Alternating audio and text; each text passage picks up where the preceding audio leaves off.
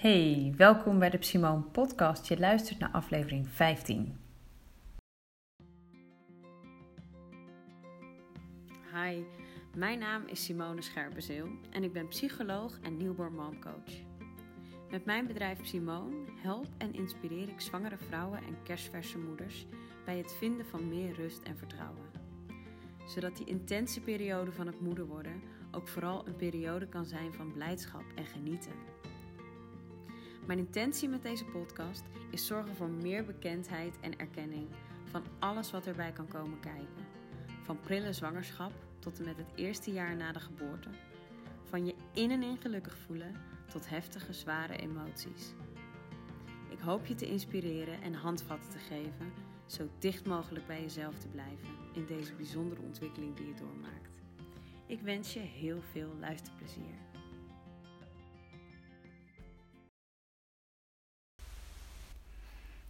Zo, hallo allemaal. Daar ben ik weer een keer. Het is volgens mij twee maanden geleden, zoiets uit mijn hoofd, dat de laatste podcast verscheen, laatste aflevering. En ik had er al een beetje over gedeeld op mijn Instagram. Ik voelde heel sterk dat ik de, het geboorteverhaal van Aaron ook in mijn podcast wilde delen. En dat voelde ik eigenlijk al meteen eigenlijk zelfs al op voorhand, dat ik dacht dat, dat wat het ook gaat zijn, ik wil dat delen. Dat is immers ook de, de hele intentie achter deze podcast om gewoon alle verhalen te delen. Of het nou mooie verhalen zijn of heftige verhalen. Dus mijn eigen verhalen horen daar zeker ook in thuis. En nou ja, ook deze geboorte was weer heel bijzonder. Dat ga ik je straks vertellen. En ik had al meteen het gevoel van ik wil het delen, maar ik had wel nog even in de eerste week het gevoel van, nou, nu nog even niet. De afgelopen twee weken had ik wel heel sterk uh, het gevoel van, hij mag gedeeld worden. Maar op de een of andere manier, dat had ik met mijn uh, bevallingsverhaal van Kiki ook. Dat ik dacht, ja, hij moet gedeeld. Maar dat het dan ook weer zo bijzonder is eigenlijk voor mezelf, een bijzonder verhaal. Dat ik het dan weer um, te goed wil doen of zo. Of dat, dat ik het verhaal niet te kort wil doen. Dat ik denk, oh, misschien moet ik het even voorbereiden? Moet ik er dingen over opschrijven? Maar ik wil ook. Mijn uh, afleveringen zijn gewoon one-takers. Dus ik dacht, ik moet gewoon gaan praten. Meestal komt het dan wel goed bij mij. dus ook dit verhaal. En ik zit nu lekker met Aaron in de draagdoek. Uh, nou, hij laat zich even horen. Um, heerlijk alleen thuis ben ik. Uh, dus we gaan zien of het hele verhaal in één keer opgenomen kan worden zonder dat hij er tussendoor komt. Maar ja, waar zal ik beginnen? Um, allereerst denk ik denk gewoon bij het begin. Dat ik, en dat begint eigenlijk al um, de avond daarvoor, of eigenlijk is het natuurlijk mijn hele zwangerschap het begin, of daarvoor al. Maar um, de avond voordat ik, voordat de bevalling begon, dat was op zondagavond, eigenlijk dat hele weekend was ik onrustig. Ik had die week daarvoor een avond uh, voorwegen gehad. Oftewel hele regelmatige, echt om de, nou, om de twee minuten had ik krampen. Maar ze namen niet in kracht toe. Toen heb ik uiteindelijk na twee uur wel de verloskundige gebeld. Die zei, ga maar in bad. Um, bij Kiki had ik geen voorwegen gehad. Dat was natuurlijk ook de eerste. Uh, dan heb je dat vaak minder. Zo heb ik begrepen. um, dus toen ging ik in bad. En ik wilde heel graag eigenlijk dat hij zou komen. Maar in bad namen de weeën af. Wat ik echt wel voelde als een soort teleurstelling. Alleen de volgende dag realiseerde ik me heel goed: oké, ik was toen geloof ik 37 weken of zo. Um, ik kan ervoor kiezen om nu de hele tijd te gaan zitten hopen dat de bevalling begint. Of in deze teleurstelling blijven hangen. Of ik ga me echt, ik ga het loslaten. En um, echt wel genieten van het feit dat hij nog in mijn buik zat zit. Op dat moment zit die nog in mijn buik. Dus dat, uh, dat deed ik. Ik focuste me daarop. En die week was eigenlijk vrij rustig.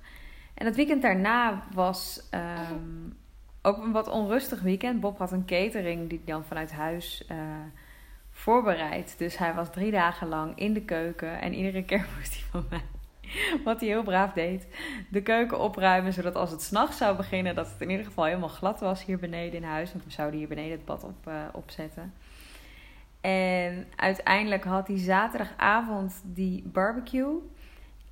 En we grapten ook steeds van nou, zaterdagnacht of zondag mag het komen. Nou, zondag toen ehm, was Bob eigenlijk heel moe. Gewoon van het harde werk wat hij had geleverd. En dat merkte ik ook. En toen dacht ik, ja jeetje, nu kan het ook niet. Want nu is hij te moe. nou ja, je hoort het al. Ik was er veel te veel op gefocust. Op hoe ik wilde dat het zou gaan. Toen heb ik die zondag van me afgeschreven. Dat helpt mij altijd heel goed. Dat is ook echt wel een tip voor als je nou, het is altijd een goede tip. Maar ook zeker in die fase van je zwangerschap, als je merkt dat je tegen dingen aanloopt, schrijf ze van je af. Want je houdt ze zo vast en bij je. En je kindje voelt dat ook. Zo ook die dag dus bij mij. Ik ben gaan schrijven. En ik ben letterlijk aan mijn kindje gaan schrijven. Van, uh, ik voel heel sterk dat jij er klaar voor bent. Dat voelde ik ook echt. Eigenlijk al weken. Um, of weken. Een week of twee had ik dat gevoel. En um, maar dat ik er nog niet klaar voor ben. Ik voel nog te veel onrust. Ik wil nog te veel de touwtjes in handen houden. Ik wil nog te veel het perfecte moment vinden. Eigenlijk het liefst s'nachts, wanneer uh, de kinderen in bed liggen en slapen. Uh, weet je, allemaal dat soort dingen. Dat, kan, dat werkt natuurlijk niet. Dus ik had van me afgeschreven alles wat ik voor mijn gevoel nog moet los, mocht loslaten. Ik had het met Bob gedeeld s'avonds en dat was ook echt wel een heel fijn gesprek. En daarna voelde ik ook echt de ruimte van: oké, weet je, wat maakt het ook eigenlijk weer uit? Ik zit me te druk te maken. Waar was ik me ook alweer op aan het focussen? Op het feit dat ik ervan geniet dat hij nog in mijn buik zit. Dus dat deed ik toen ook. En toen de volgende ochtend om half zes uh, werd ik wakker met buikkramp. Nou had ik dat die week daarvoor natuurlijk ook gehad. Dus ik dacht, ja, nou ja, mijn, mijn hoofd zei, Ismo, je weet het niet, het kunnen ook voorweeën zijn. Maar toch had ik nu een ander gevoel. En ik dacht, weet je wat? Ik ga vast naar beneden. Ik ga vast de ontbijttafel dekken. Uh, Sam die moest gewoon, het was maandagochtend, die moest gewoon naar school.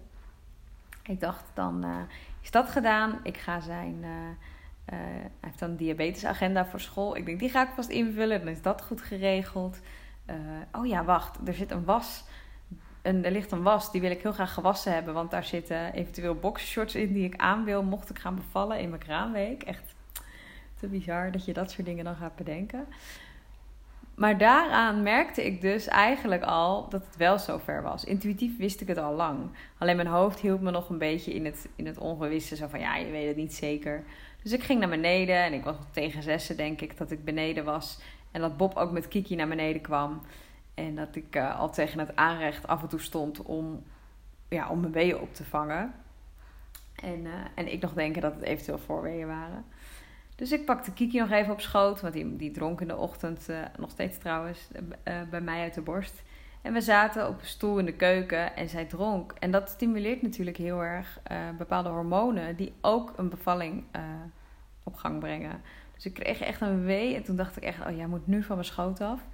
En Bob zei op dat moment tegen mij: Oké, stop met alles wat je aan het regelen bent. Jij gaat nu gewoon in bad boven. Jij gaat ontspannen. Ik doe de rest. Dus die heeft voor mij het bad boven aangezet. En um, daar ben ik toen lekker in gaan zitten.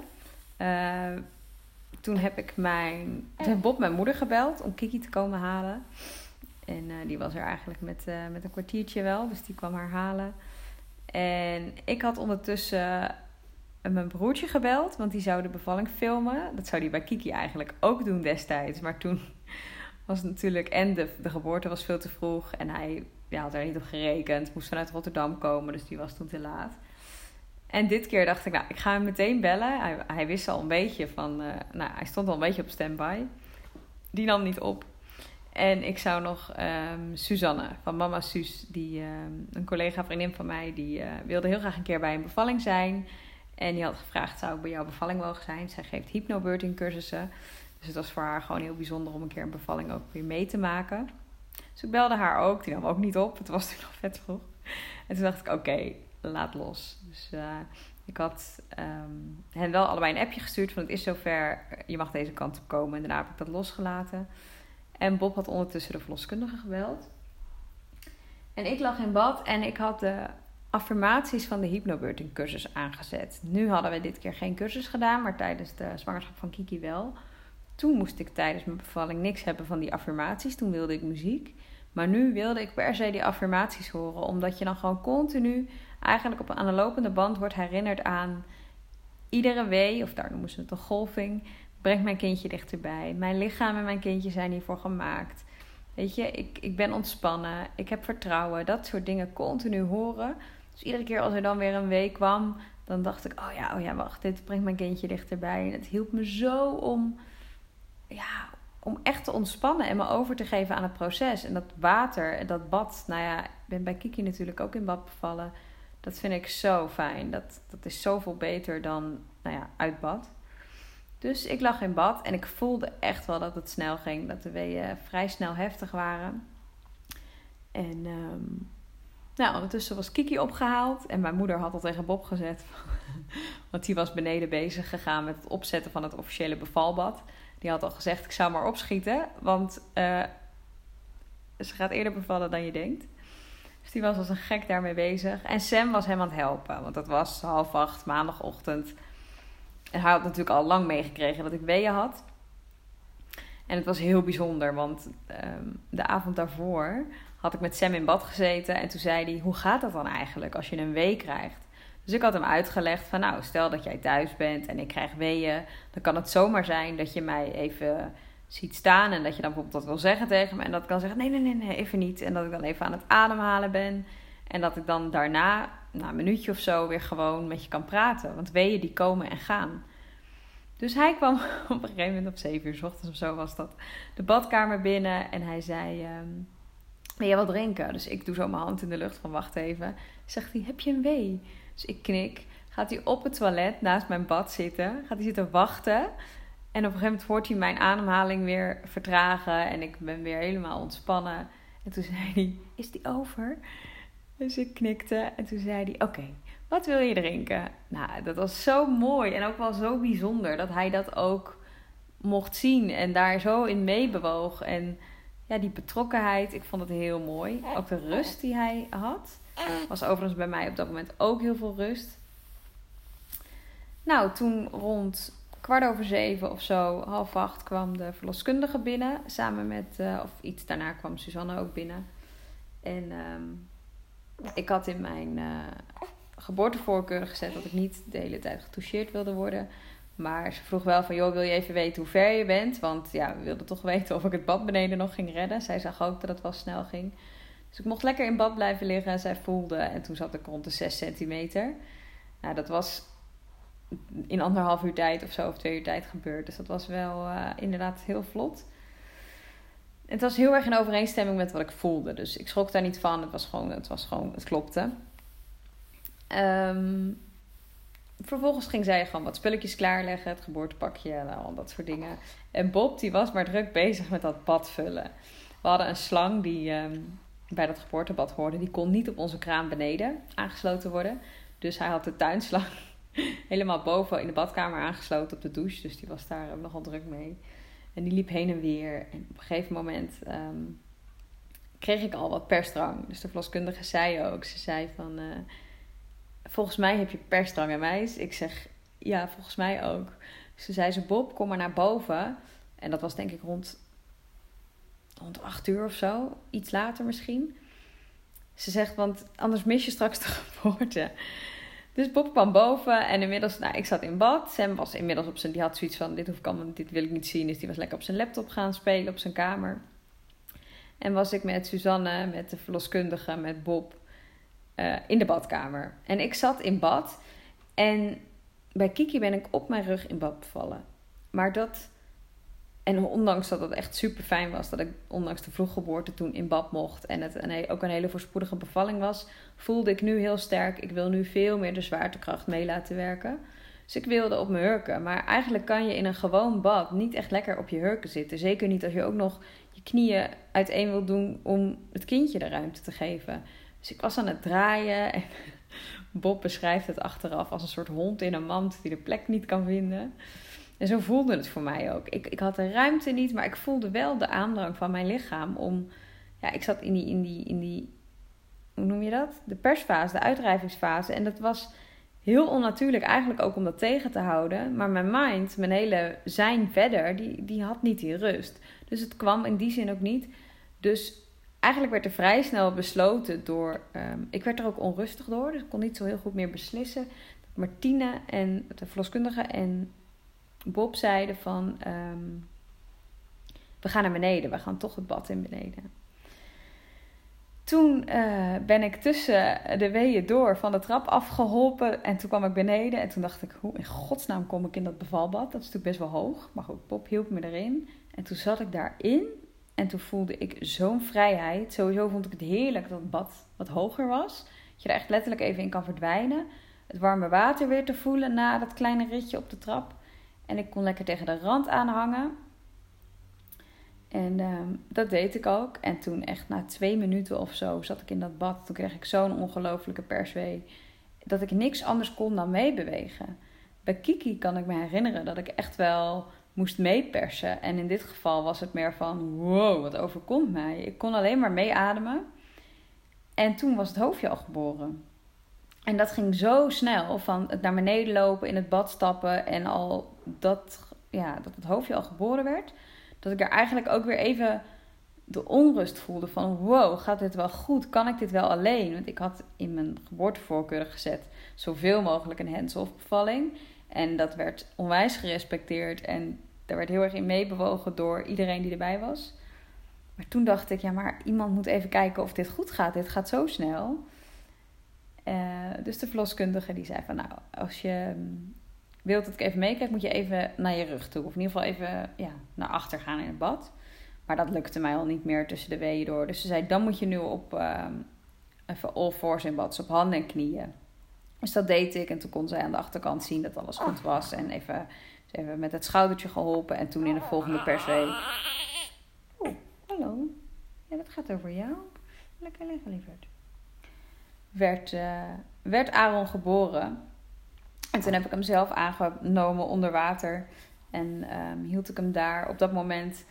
Um, je hoort mij ook zeggen op het filmpje, want uiteindelijk was mijn broertje er nog niet, maar heeft uh, Suzanne gefilmd met de telefoon. Van wow, je bent er al. Het ging zo snel. En um, Sam kwam op dat moment naar beneden gerend. Even kijken of ik de opname op stop ga zetten of, niet. Yes, daar ben ik weer. Um, op dat moment kwam Sam naar beneden gestormd. Die hoorde of voelde, ik weet het niet, dat, dat, uh, dat de baby geboren was. En die heeft toen ook echt nog zo onder water um, Aaron ontmoet, zeg maar. Zijn vinger gegeven. Uh, we hebben gezegd hoe die heette. Dat is heel mooi en bijzonder. Um, wel voelden we wat minder rust dan bij Kiki. Bij Kiki heeft echt, nou, ik denk wel twee of drie minuten onder water uh, is zij geweest. Hebben we de navelstreng nog voelen kloppen. En toen hebben we er pas boven water getild. Bij Aaron hadden we wat minder die rust. Um, dus we tilden hem. Uh, ik vroeg ook aan Bob: van, joh, wil je er nog bij in bad? Dat hadden we bedacht, maar daar was natuurlijk helemaal geen tijd voor. Uh, hij zei: nee, nee, nee. Ik til Aaron gewoon op je borst. Dus ik ging zitten en ik kreeg hem op mijn borst getild. En toen was het eigenlijk meteen. begon Aaron weg te vallen. Um, hij was slap en waar Kiki hoefde ook niet te huilen bij de geboorte. Want die overgang van het water is gewoon heel rustig. Dus in eerste instantie dacht ik ook van, oh, hij heeft hetzelfde als Kiki. Hij is gewoon heel rustig. Maar Kiki zag je wel roze worden en je voelde gewoon ja, de spanning in haar lijf zeg maar toenemen. Dat ze gewoon actief was. En Aaron zag je gewoon verslappen. Hij werd zwaar op mijn borst. Dus dat zei ik ook direct van, hey, uh, is dit wel goed? En je ziet me op de film ook wel een beetje verward kijken. Want aan de ene kant heb je wel direct het gevoel van er is iets niet goed. En aan de andere kant ja, wil je toch ook even, wil je dat ook niet voelen of zo. En denk je toch van ja, overligt het aan mij? Zie ik het verkeerd? Dus de verloskundige checkte hem meteen. Die wreef over zijn rug om even die prikkel te geven van het activeren. Maar daar reageerde hij eigenlijk niet op. En toen zei zij direct: Oké, heel adequaat. Ik ga hem nu, uh, ik ga hem nu uh, afnavelen. Dus die heeft meteen de navelstreng doorgeknipt om hem even op de grond zuurstof te geven. Naar wat ik later hoorde, ook eigenlijk heel veel kindjes nodig hebben nog bij de bevalling. Om, of heel veel, het gebeurt wel vaker, dat ze even wat zuurstof nodig hebben als een soort boost en dan zijn ze er. En um, de verloskundige zei ook achteraf, en ik dacht ook dat dat was wat hij nodig had. Maar toen hij daar ook niet op reageerde en zijn hartslag steeds verder wegzakte eigenlijk, godzijdank niet lager dan 10 is die nooit geweest. Maar goed, wel heel erg uh, kritisch. Um, ja, toen is ze wel gestart echt met reanimeren. En toen zei ze ook direct van... Bob, ik wil dat je nu 112 belt. En op dat moment zat ik zelf nog in het bad. En toen ging er echt in een sneltreinvaart... Een, ik, ik kan hem helemaal nog voor me halen welke film er aan mij voorbij ging. Want ik weet nog dat ik... Ik zat in dat bad en ik hoorde haar dat zeggen van bel nu 112. En ondertussen ook haar zeggen van kom op jongen, hier blijven. En ineens ging er aan mij voorbij dat ik tijdens mijn zwangerschap wel eens heb gevoeld dat Aaron bij de geboorte zou overlijden of dat er iets zou zijn. Of ik heb, en dat was nooit echt met een hele heftige emotie eraan gekoppeld. Geen angst of zo, maar meer een soort feit. Maar dat, ja, dat duwde ik eigenlijk ook een beetje weg. Omdat ik dacht, ja, wat moet ik hiermee? En dit wil ik helemaal niet voelen of denken. Um, maar ik zat in het bad en toen dacht ik, het zal toch niet? Het zal toch niet waar zijn? En op dat moment ook het gevoel van, nou, is dit dan hoe het is als je je kindje verliest? Verliezen wij hier nu ons kind? Wat, de, weet je? En toen dacht ik, maar als we hem verliezen, als hij gaat overlijden, dan moet ik bij hem zijn. En die gedachte ging meteen over in nee, ik moet bij hem zijn, want hij heeft mij nodig. Toen ben ik uit het bad gestapt. Vraag me ook niet meer hoe, maar dat, dat doe je gewoon ben ik bij hem gaan zitten, op mijn knieën. Ben ik heel intuïtief, heb ik mijn hand op zijn buik gelegd, terwijl de verloskundige doorging met de reanimatie. Andere hand onder zijn voetjes. En toen ben ik me echt gaan focussen op zijn, ja, zijn levensenergie. En ik ben tegen hem gaan praten. En ik voelde heel sterk, dat was trouwens ook echt een thema in deze zwangerschap. Dat heb ik in mijn eerdere podcast ook wel gedeeld. Het thema vertrouwen. Dat kwam steeds terug op verschillende gebieden. Niet zozeer op gebied van de zwangerschap zelf, want die ging gewoon goed. Maar meer op andere gebieden dat het vertrouwen steeds heel erg in onszelf en in de situatie gechallenged werd. En dat ik een maand daarvoor ook tegen Bob had gezegd van... Volgens mij komen we steeds in dit soort situaties terecht. Omdat we gewoon een soort van getraind worden. Omdat er binnenkort iets gaat gebeuren waar we heel veel vertrouwen bij nodig hebben. En ineens klikte die en dacht ik, dit is het moment. Hier moeten we vertrouwen hebben. En dat heb ik toen ook gezegd. Ik heb Bob in zijn ogen aangekeken en gezegd: Schat, je moet nu vertrouwen. We moeten echt vertrouwen. En dit klinkt allemaal alsof dat echt al heel lang duurde. Maar dit was allemaal in een tijdsbestek van een minuut, denk ik, of twee minuten. Ehm, en op dat moment dat ik dus zei: We moeten vertrouwen hebben. Dat ik tegen Aaron sprak: van Mama is bij je, blijf bij ons. Weet je, toen kwam die ook bij. Toen kwam er water uit zijn neusje en zijn mondje. En toen begon hij te proesten. En toen begon hij kleur te krijgen, adem te halen. En toen voelde ik ook meteen, en dat was heel mooi, want ik keek de verloskundige aan en we keken elkaar aan. Zo van: dit is het, nu is het goed. Dit zat in de weg. En, en toen kon ik ook oprecht heel veel vertrouwen voelen. Geen angst, maar echt van: het is goed zo. En dat was gewoon echt heel bijzonder. Gewoon die connectie die je op dat moment hebt met je kind, maar ook ja, om het op die manier te ervaren. Voor Bob was het even heel anders, want hij werd op dat moment, um, we hebben natuurlijk heel vaak nagepraat ook over deze situatie. Hij werd op dat moment ehm, gezegd van je moet nu 112 bellen. Dus waar ik me juist kon focussen op mijn kind, moest hij de telefoon pakken en aan iemand aan de andere kant van de lijn vertellen dat het om een reanimatie ging van zijn pasgeboren kindje. En um, hoe heet het? Toen was ook het bereik nog eens heel slecht. Dus hij heeft echt vier keer de postcode moeten noemen of zo. Nou, uiteindelijk, toen Aaron bijkwam. Oeh, me lekker. Toen Aaron bijkwam, toen had hij die vrouw van 21 nog aan de telefoon. Dus toen zei hij ook van hij komt nu bij. En op dat moment hoorden wij de sirenes. En kwamen hier ehm, de hulpdiensten al binnen eigenlijk. Maar voor hem was dat natuurlijk echt een heel ander perspectief. En hij zei ook, ik raakte echt wel even in paniek op het moment dat, dat ik hen niet kon bereiken. En oh, ja, dit is ook helemaal niet zo'n leuk stukje, lieverd. Maar het is allemaal goed gegaan, hè?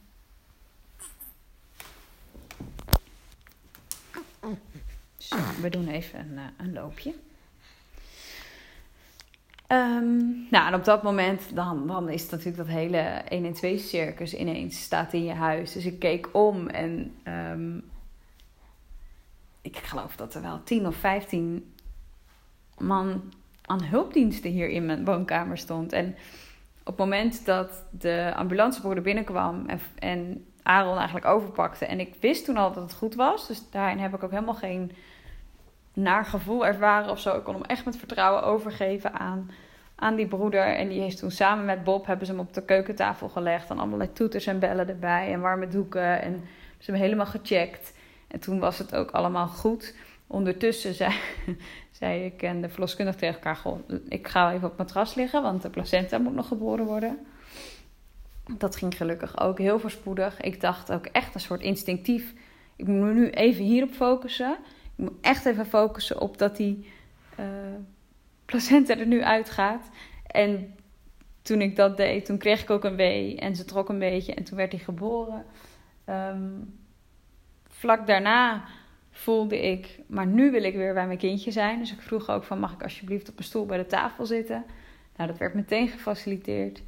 En toen zat ik eigenlijk aan tafel en toen zeiden ze, uh, hij is helemaal in orde voor wat we nu kunnen zien. Toen dacht ik ook, ik wil hem nu bij me hebben. Dus heb ik hem bij me genomen, heb ik hem meteen aan de borst gelegd. En toen nam hij al zijn eerste slokje.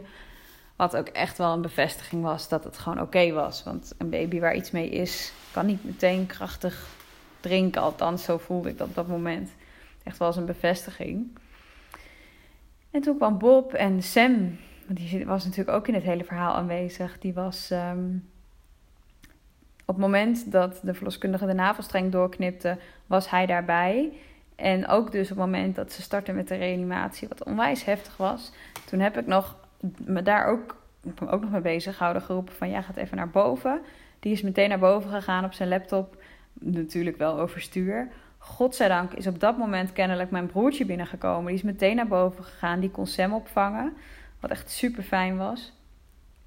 En op het moment dat uh, Aaron dus gecheckt werd en bij was en goed was, heeft Bob direct Sam opgehaald om ook hem daarbij te betrekken. Van kijk eens, het gaat weer allemaal goed. We hebben goed gehandeld. Hij, hij, hij leeft gewoon. Hij is gezond. Kijk maar. En toen is hij ook uh, beneden erbij gebleven. En buiten was het inmiddels zo dat er vijf politieauto's, twee ambulances en een traumahelikopter voor de deur stonden. Want als je dus belt voor een babyreanimatie, dan rukt echt alles uit. En dan schijnen ze echt nog drie keer zo snel te zijn. Wat ook echt zo was, want ze waren er echt maar een paar minuten. Dus um, ja, je kunt je voorstellen dat het hier in de wijk ook echt wel even een behoorlijke heftige gebeurtenis is geweest. Er waren zelfs mensen die dachten dat er een familiedrama was of uh, weet ik wat er aan de hand was. Ik geloof dat er ook een verhaal ging dat er met mij van alles aan de hand was. Um, maar goed, ja, dat was natuurlijk ook gewoon heel heftig. Dus uiteindelijk hebben de broeders van de traumahelikopter, die hebben ook uh, Sam echt onwijs goed begeleid. Hij mocht daarin zitten, waarvoor echt onze dank, want dat was voor hem natuurlijk allemaal super heftig ook om mee te maken. En als je dan op die manier als jongetje van negen erbij betrokken wordt, is dat toch ook wel weer een soort van heel stoer en leuk. Dus die mochten in het trauma zitten en kijken en een, een, een beer gekregen van het, uh, van het personeel van de helikopter. Dus dat was echt ook wel heel bijzonder. En mijn broertje heeft buiten heel veel beelden geschoten. Dus ja, dat kunnen wij later ook allemaal nog terugzien hoe dat is geweest uiteindelijk binnen zeiden de ambulancebroeders van nou, we hebben contact gehad met het ziekenhuis en ze willen hem wel heel graag even zien voor een check. Wij zien nu geen gekke dingen. En um, dat gevoel had ik ook al. En ook de verloskundige had dat gevoel van nou, het is volgens mij helemaal goed. En ik dacht op dat moment echt, moet ik nou serieus ook nog naar het ziekenhuis? Er is al zoveel gebeurd, hij is toch goed, mag ik alsjeblieft thuis met hem blijven? Maar ja, dat was heel erg mijn gevoel, wat godzijdank achteraf ook klopte. Maar ja, je ratio en gewoon de protocollen en, en de, ja, je zekerheid zegt dan ook al ah, het is goed om, uh, om even naar het ziekenhuis te gaan om te checken of er daadwerkelijk niks aan de hand is. Dus uh, ik dacht, oh ja, dit zijn die dingen die je niet in je geboorteplan zet, die wel gebeuren, waarop je dan mag meebewegen.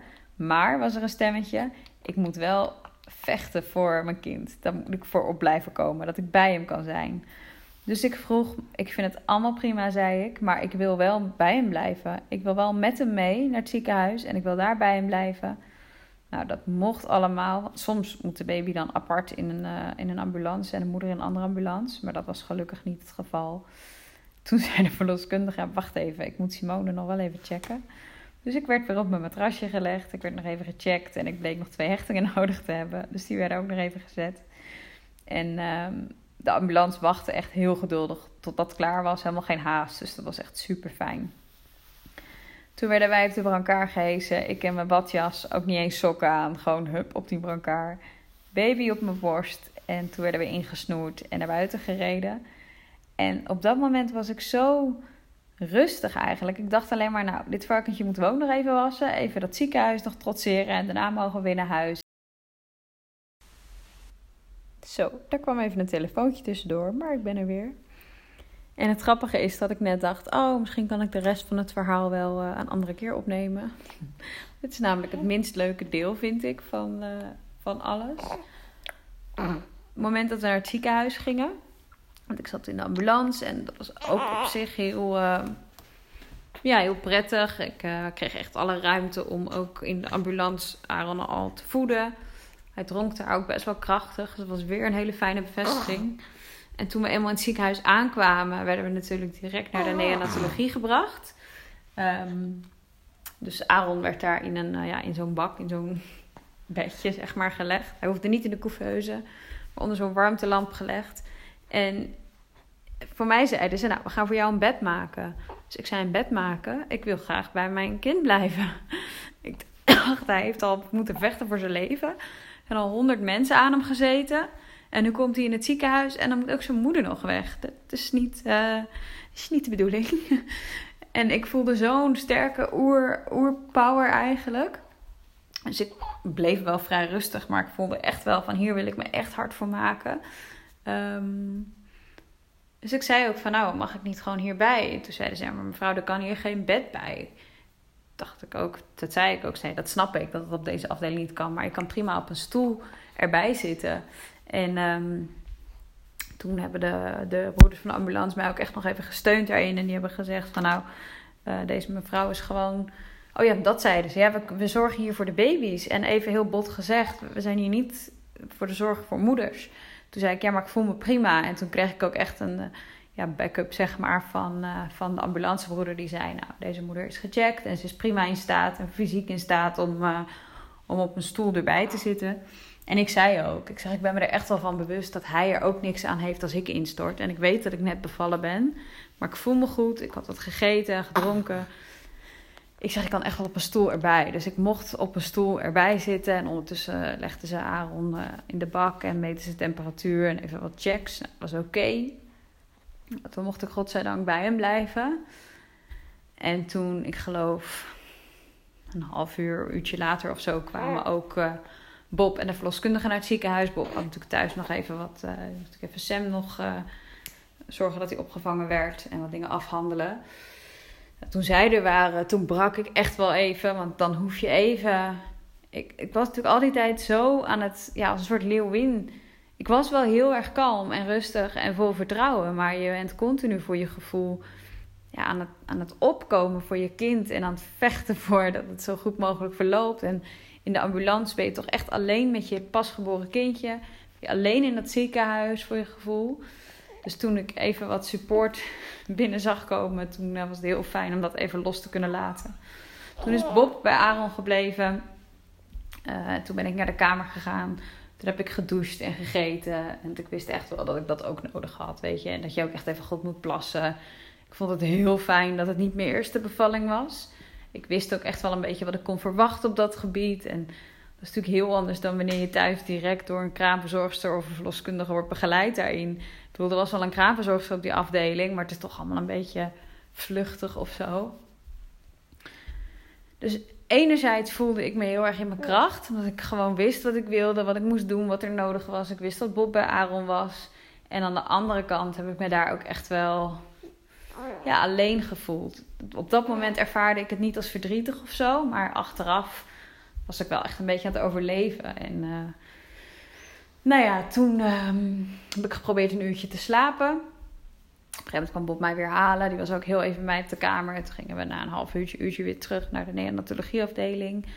Dat was echt op een verdieping boven ons. En toen kwamen we daar aan en toen zeiden ze: Nou, we hebben uh, Aaron net even wat uh, te drinken gegeven. Dus ik zei te drinken gegeven. Wat dan? Ja, kunstvoeding. Ik zeg maar, ik voed hem zelf.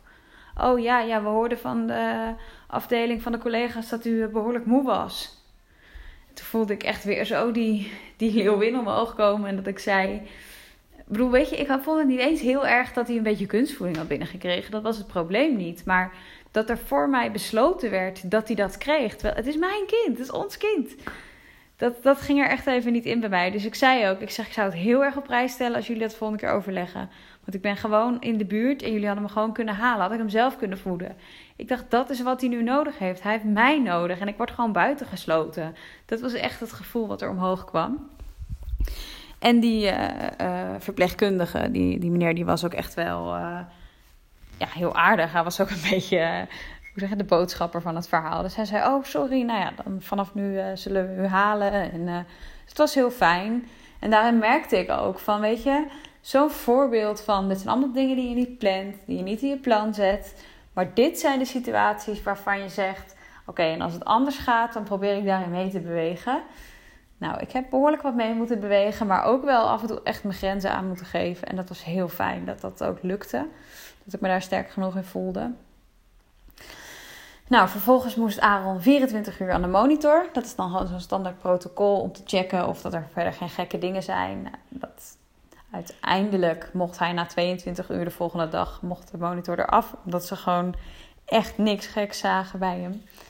En uh, ja, ik heb, het, ik heb die periode in het ziekenhuis wel echt als heel moeilijk ervaren. Op dat moment voelde ik me sterk, maar achteraf um, Weet je, ik ging s'nachts dan, ik, ging ik heb hem steeds om de twee, drie uur gevoed. Dan ging ik toch even terug naar mijn bed om even te slapen. En dan ging ik daarna weer terug naar hem. En Bob en ik wisten elkaar ook af.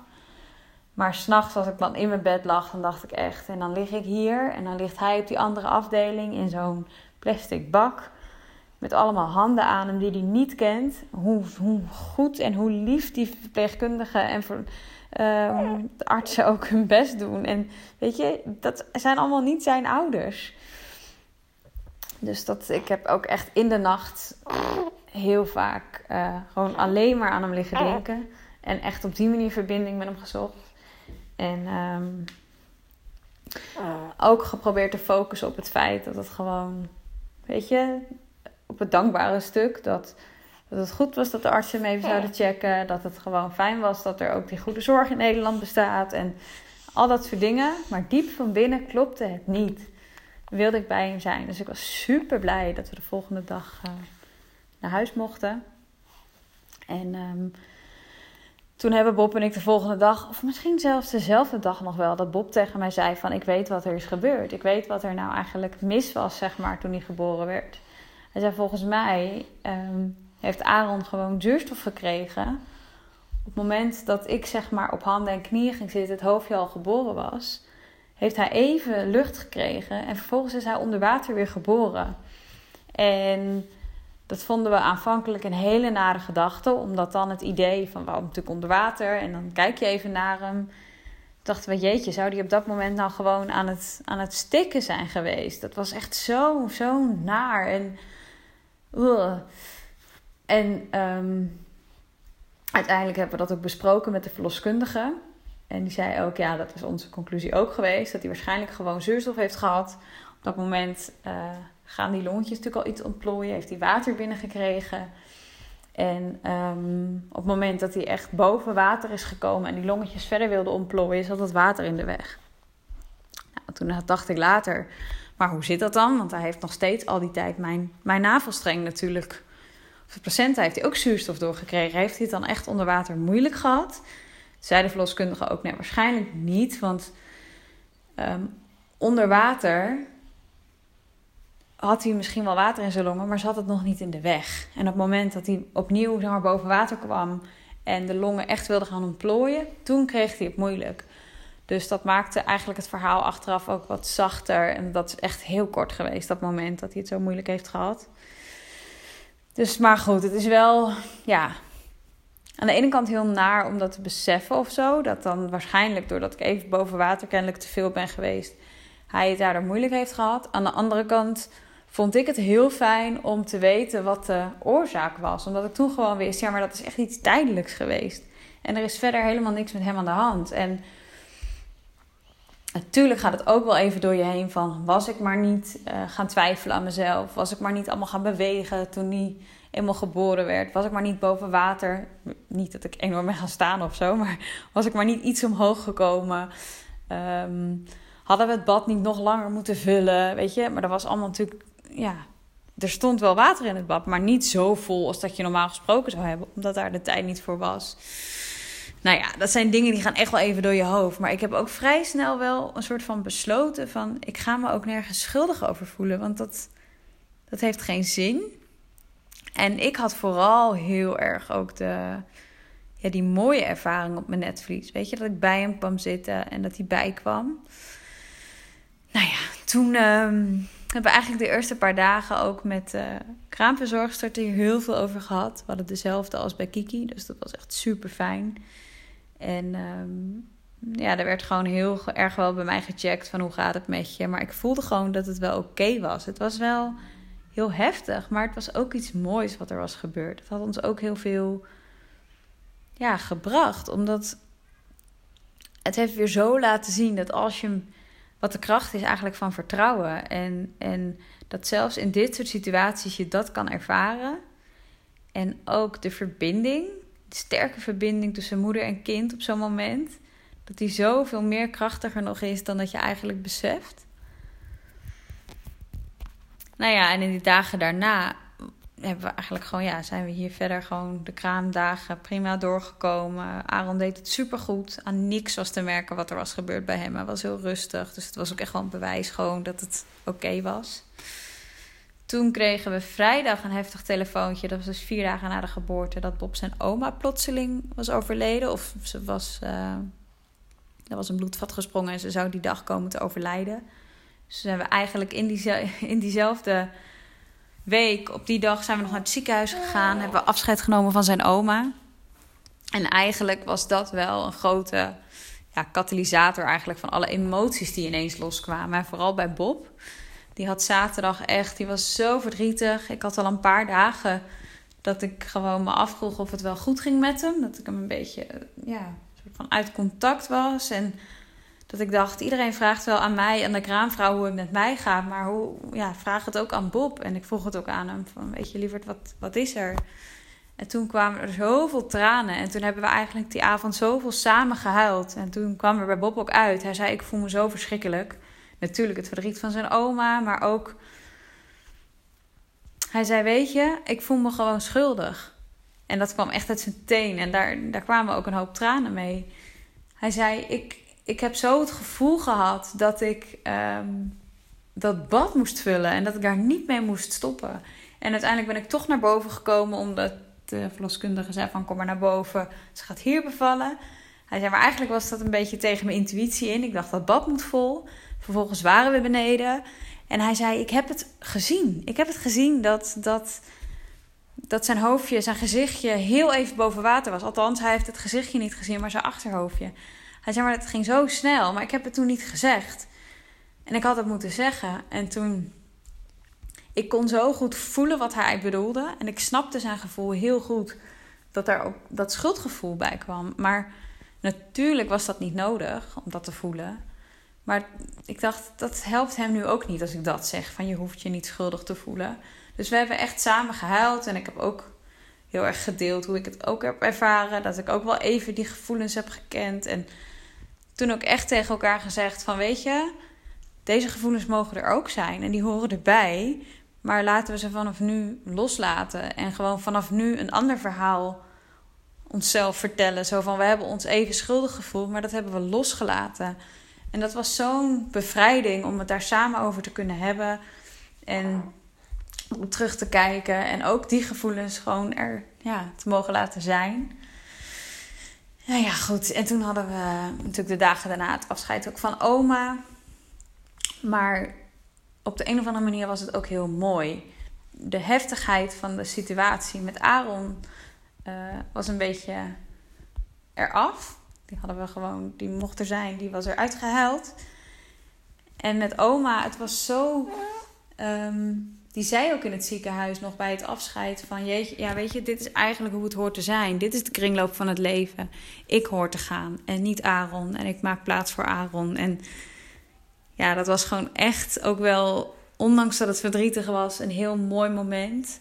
En The Circle of Life, zeker nu de Lion King ook weer draait in de bioscopen... is heel erg passend bij deze geboorte. Die hebben heel veel aangehad.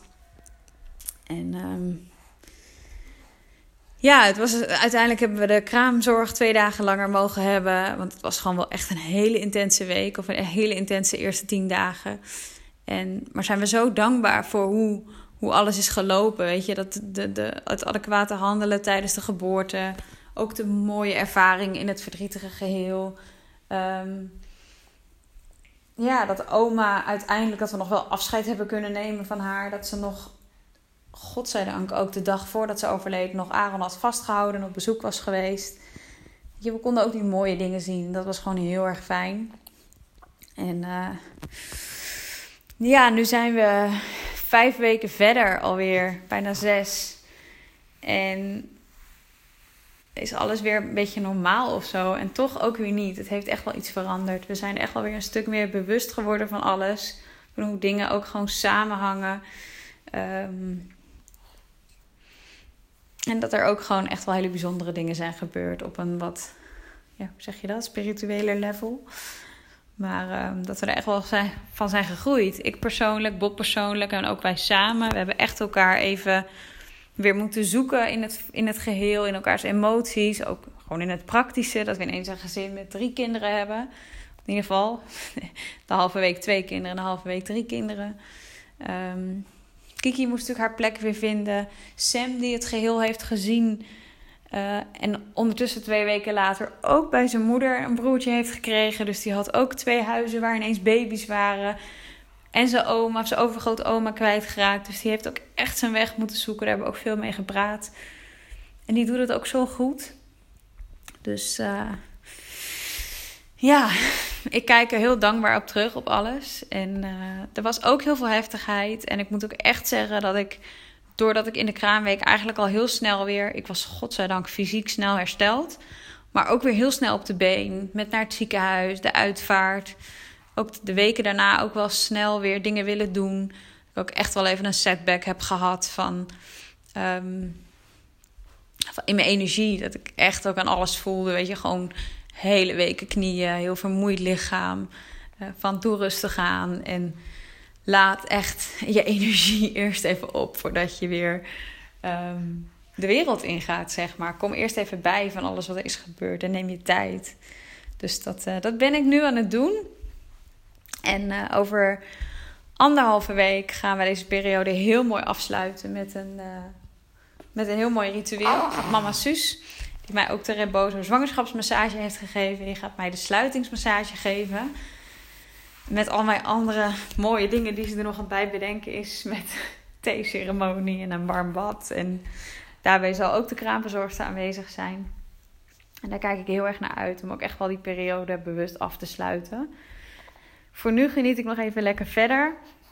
Hoop ik dat dit verhaal jou heeft geïnspireerd. Of in ieder geval, misschien heeft het gewoon voor herkenning gezorgd. Misschien wel helemaal niet, maar vind je het toch fijn of bijzonder om te horen. Um, en ik hoop eigenlijk dat het je ook heel veel vertrouwen geeft. Want laatst zei iemand tegen mij: Ja, zie je, en dit is dus de reden dat je niet thuis moet bevallen en ook niet in bad.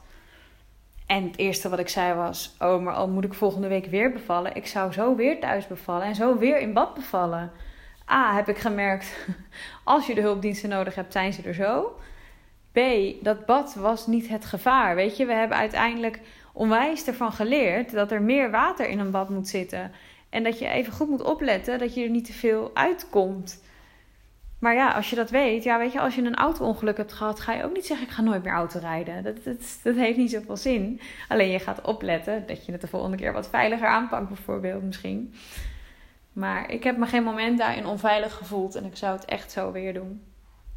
Maar ook het vertrouwen op een, op een dieper level. Dat je echt wel mag vertrouwen op je intuïtie. En um, echt mag volgen wat je moederhart je ingeeft. Want ja, het feit dat ik zo sterk voelde, ik moet nu bij hem zitten, ik moet hem aanraken, ik moet tegen hem praten. En op het moment dat ik dat deed, dat hij bijkwam, dat is voor mijn gevoel echt geen toeval geweest. Het is echt ook het adequate handelen van de verloskundige geweest. En gewoon het feit dat Bob snel 112 heeft kunnen bellen. Dat zij er snel waren. Het was echt een super samenwerking van alle betrokkenen. Maar voor mij als moeder was de ervaring die ik samen met Aaron had gewoon heel magisch. En dat, ehm,